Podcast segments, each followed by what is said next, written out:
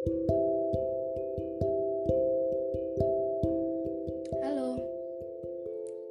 apa kabar semuanya? Kali ini Zia mau cerita lagi. Dengerin ya. Sebenarnya aku sendiri pun sering bertanya-tanya pada diriku sendiri tentang alasan mengapa rasa ini muncul.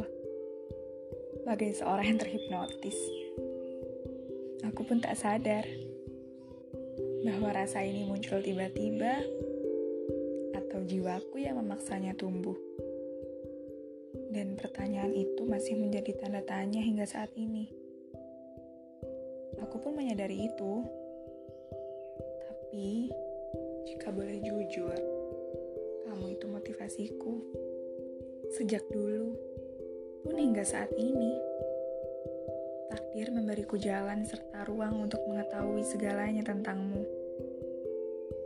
Meski tak semua, tapi aku tetap menyumbat luapan bahagia aku kala itu. Karena ternyata hatimu bukan untukku. Dan aku harus menerima. Menerima dengan lapang dada kenyataan itu. Kenyataan terpahit yang harus kutelan kebisuan terlelah yang harus kutahan kuat-kuat. Menerima segala kenyataan yang seharusnya kau usir, tapi malah kau beri ruang di sisimu.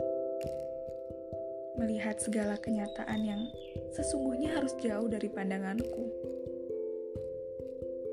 Diriku menjelma menjadi penyamar handal, menutup derayan air mata dengan lengkungan di sudut bibir.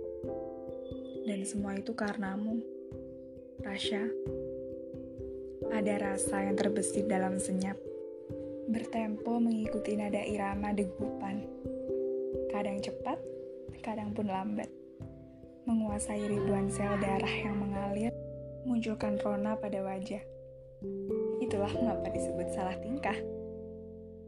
Aku sering sekali diam. Diam. Diam-diam memandangmu dari kejauhan entah hanya untuk sekedar keluar gerbang untuk pergi ke dapur di sore hari.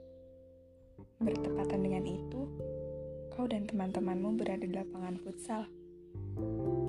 Bermain futsal, ataupun kadang bermain takraw. Hmm, unik sekali ya. Dan saat itu adalah masa-masa terbodohku. Aku yang saat itu selalu memperhatikanmu menyimak setiap pakaian olahraga yang kau kenakan. Kadang biru, kadang oranye, kadang hijau stabilo, kadang coklat, hitam, dan warna-warna lain.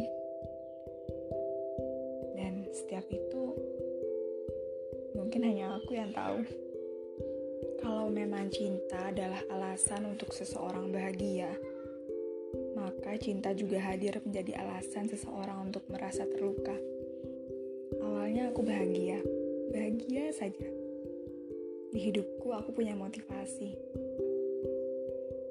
Rasanya tuh ada semangat buat rajin belajar, buat terus rajin. Tapi ketika perasaan itu telah menjelma menjadi cinta yang salah,